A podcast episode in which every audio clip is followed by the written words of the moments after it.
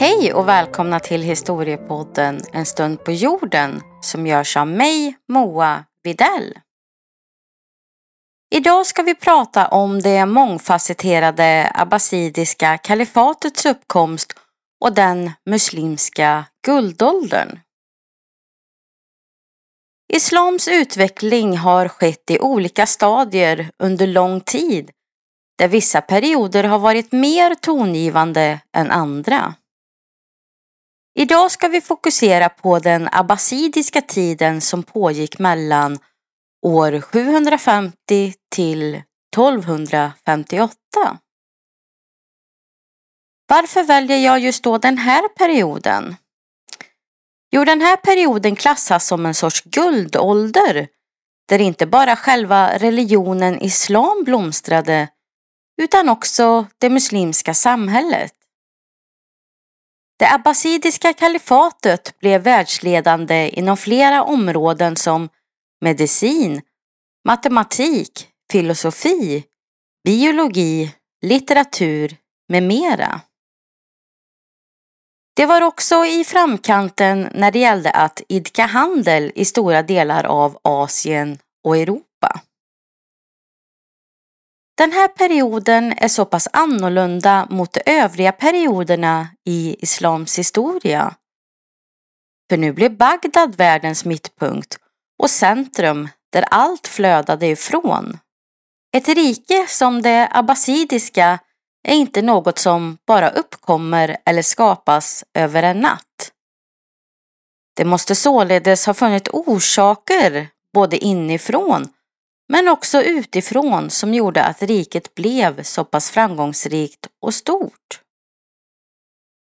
Att man under detta styre uppnådde en guldålder är mycket intressant och mycket betydande för dagens samhälle då vi fortfarande använder oss av vissa saker som uppkom.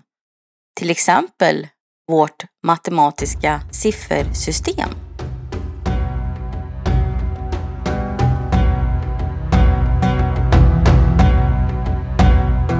För att förstå det abbasidiska kalifatets spridning måste vi gå tillbaka några år i tiden. På 600-talet efter Kristus fram till cirka år 740 rådde det umayyadiska riket med Damaskus som huvudstad i Mellanöstern.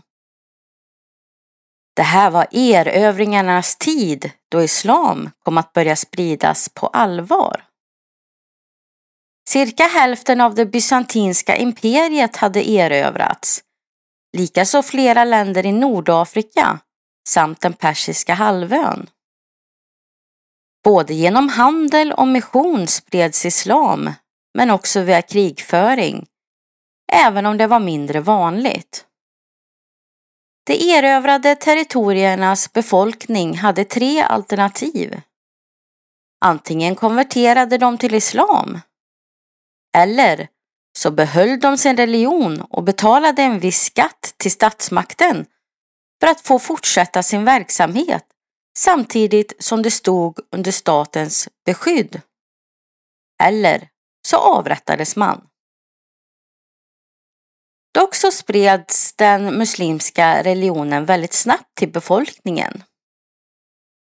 Men problematiken med det umayyadiska imperiet var att de införde en ärftlig successionsordning där man inte längre valde en kalif, alltså den som skulle styra.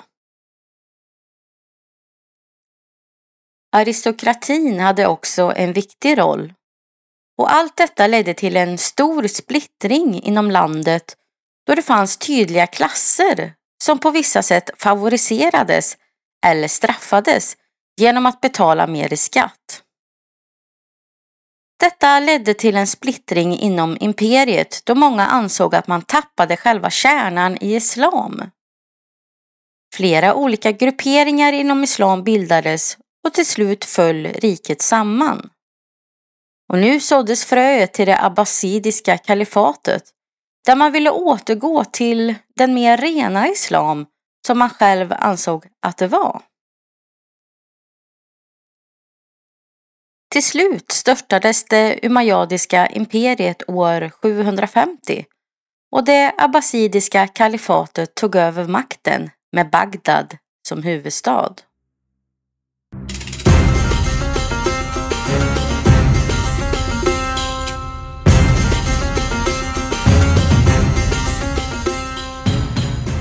Det umayyadiska imperiets utspridning var en mycket viktig del för att det abbasidiska kalifatet skulle bli så framgångsrikt då stora territorier ingick när det gamla kalifatet föll.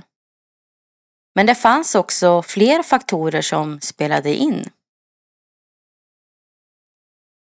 I Europa var det romerska imperiet på upphällning.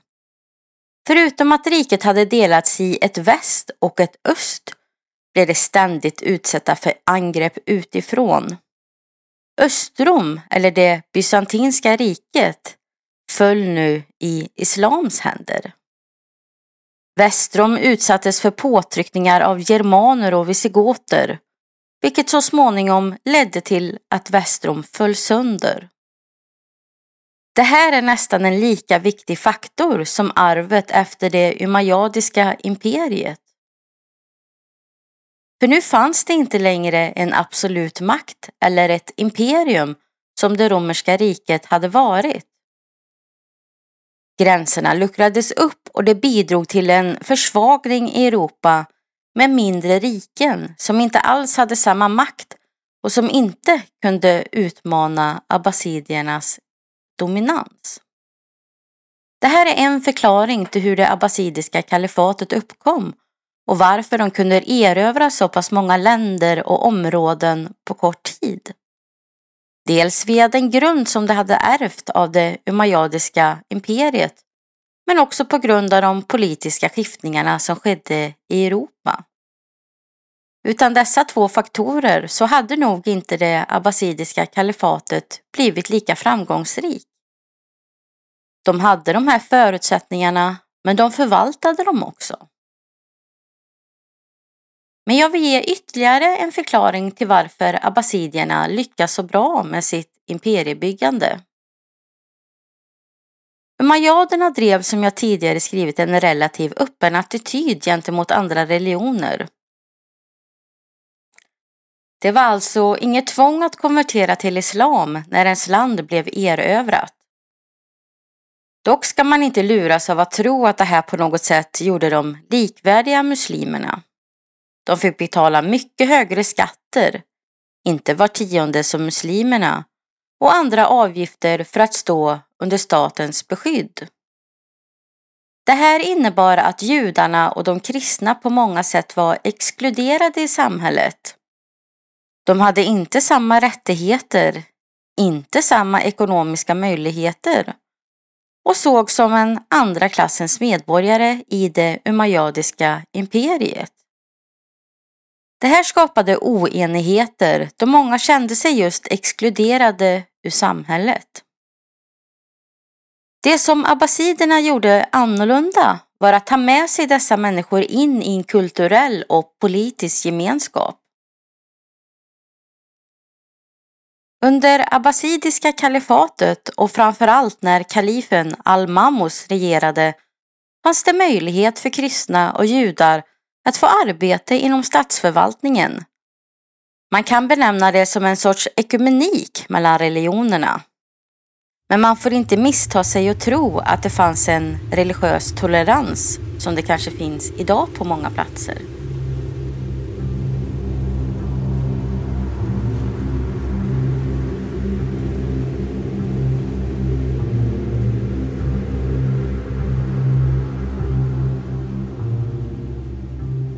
Varför kom då den här tiden att räknas som islams guldålder?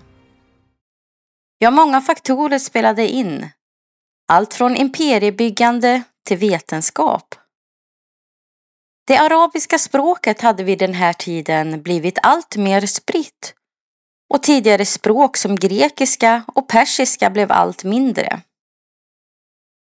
Det muslimska imperiet fortsatte att växa och blev ett imperium ända från Indien till Spanien. Bagdad var politiskt och kulturellt centrum i imperiet. Kalifen i Bagdad byggde upp ett hov omkring sig där makthavare, poeter, musiker och andra kulturella personligheter träffades. Inom poesin var det vanligt med dikter om kärlek förlagda till en äldre tid och med traditioner från beduinlivet. Inom hovet bildades en litterär kultur, adab, och man ägnade sig åt studier inom naturvetenskap. Det gick dock inte att likna naturvetenskapen med den som bedrevs i Grekland under antiken utan här fick Koranen leda studiet av naturen. Det fanns också studier av astronomi som man flitigt använde sig av. En poetisk kanon utvecklades. Litteraturhistoriker fanns i hoven och det var en allmänt bildad kultur. Och man skulle också ha god kännedom om världen omkring sig samt historia. Geografiska kunskaper blev allt mer viktiga i och med att imperiet blev större. Den islamiska guldåldern började runt år 750 och bildningstraditionen blev en viktig del i samhället. Förutom de ämnen som jag tidigare nämnt så utvecklades läkekonsten man gjorde också flera vetenskapliga framsteg. Man översatte grekiska verk till arabiska och det skedde ett utbyte av kunskap och kultur både i och utanför imperiet. Bland annat med kristna korsfarare. Dessa utbyten var inte alltid problemfria. Det fanns olika syn på saker och framförallt naturvetenskapen eftersom att den var beroende av religionen. Men trots det så blev Bagdad ett globalt centrum för vetenskapliga studier. Filosofin var också en viktig del av den blomstrande islamska kulturen och den var tydligt influerad av grekiska texter som översattes och på många sätt räddades från kristendomens förstörelse och glömska. Det förekom dock ett visst utbyte mellan kristna och muslimer som var oerhört viktigt. Dels rent filosofiskt, där kristna tog del av de texter som översatts av muslimer. Dels via handel med mera. Mycket skedde på den Iberiska halvön, Andalusien, dagens Spanien, där man diskuterade antika filosofer tog lärdom och inspiration av varandra. Ett ämne som muslimerna var mest tongivande i var matematiken. Deras system använder vi än idag och det tog över det komplexa romerska siffersystemet. Det här systemet spreds både inom och utanför imperiet. Inte sällan med korsfarare och så skedde ett utbyte mellan religionerna och kulturerna emellan på det här sättet.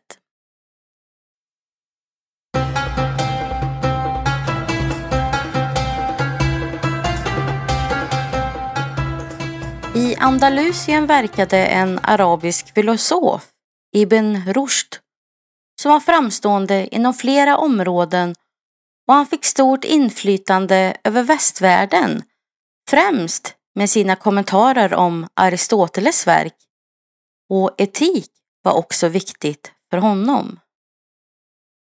Rushds tankar är tydligt influerade av både Aristoteles och Platon där filosofin sätts i högsta rummet och religionen kommer i andra hand.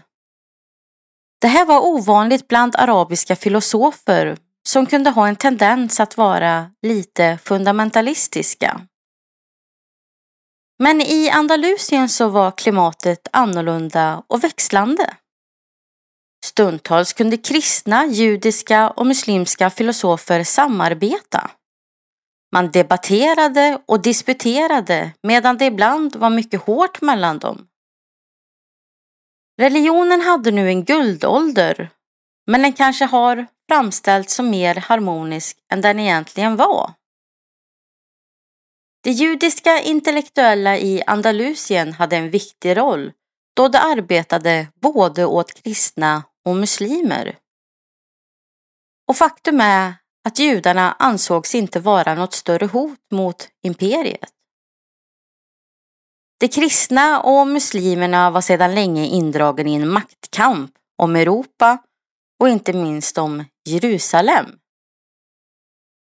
Kristna fick ofta fly från Andalusien, men både genom frivilligt och ofrivilliga flyttar från det här området så spreds idéer till det övriga Europa.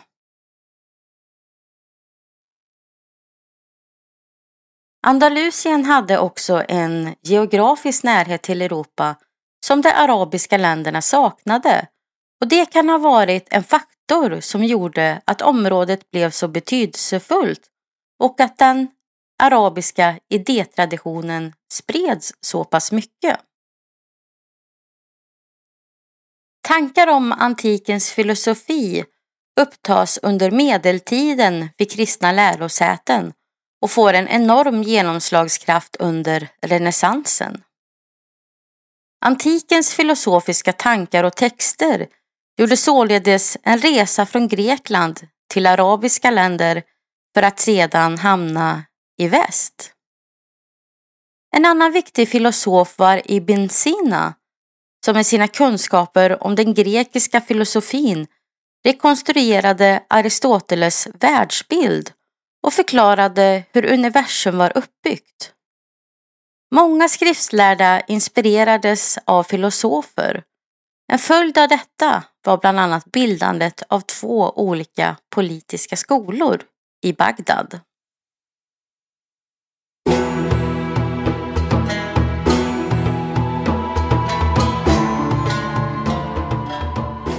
Medicin var ett annat vetenskapligt område där stora framsteg gjordes under abbasidiernas styre. På 1000-talet fanns det cirka 800 läkare bara i Bagdad. Man gjorde stora framsteg i förståelsen av den mänskliga anatomin och sjukdomar. Man kunde nu kliniskt skilja på mässling och smittkoppor. Europeiska läkare och vetenskapsmän under renässansen hämtade mycket inspiration och kunskap från den här tiden då flera encyklopedier och avhandlingar skrevs om medicin som man kunde läsa och applicera i sitt eget medicinska arbete. Det medeltida kristna Europa hade mycket att lära av muslimernas vetenskapliga och filosofiska kompetens. Denna blev utgångspunkten för europeiska tänkare som lade grunden för den vetenskapliga revolutionen under 1600-talet. Européerna byggde upp en ny världsbild med nya kritiska och experimentella metoder vars förebilder hämtades från den muslimska lärda traditionen. Denna utvecklingen kunde ha gått betydligt långsammare eller fått ett helt annorlunda förlopp om muslimernas vetenskapliga och filosofiska arv inte blivit tillgängligt för européerna. Hur framgångsrik och stort det abbasidiska riket kunde ha blivit vet vi inte. Den mongoliska erövringen av kalifatets huvudstad år 1258 utgjorde slutet på det ursprungliga kalifatets era. En mongolisk här under Hygly Khan belägrade och förstörde Bagdad år 1258 varefter man lät slå ihjäl kalifen al-Mustasim. Och det här var alltså slutet på det stora abbasidiska kalifatet. Där både den muslimska religionen, kulturen och vetenskapen fick ta ett stort steg tillbaka. Men att den här tiden har satt spår i vår samtid är uppenbar. Och man kan inte nog understryka hur viktig den här perioden faktiskt var Idag förknippar många tyvärr islam endast med en krigisk religion där varken kultur eller vetenskap finns. Men det här är väldigt långt ifrån sanningen och jag hoppas att ni idag har fått lite nya perspektiv på historien.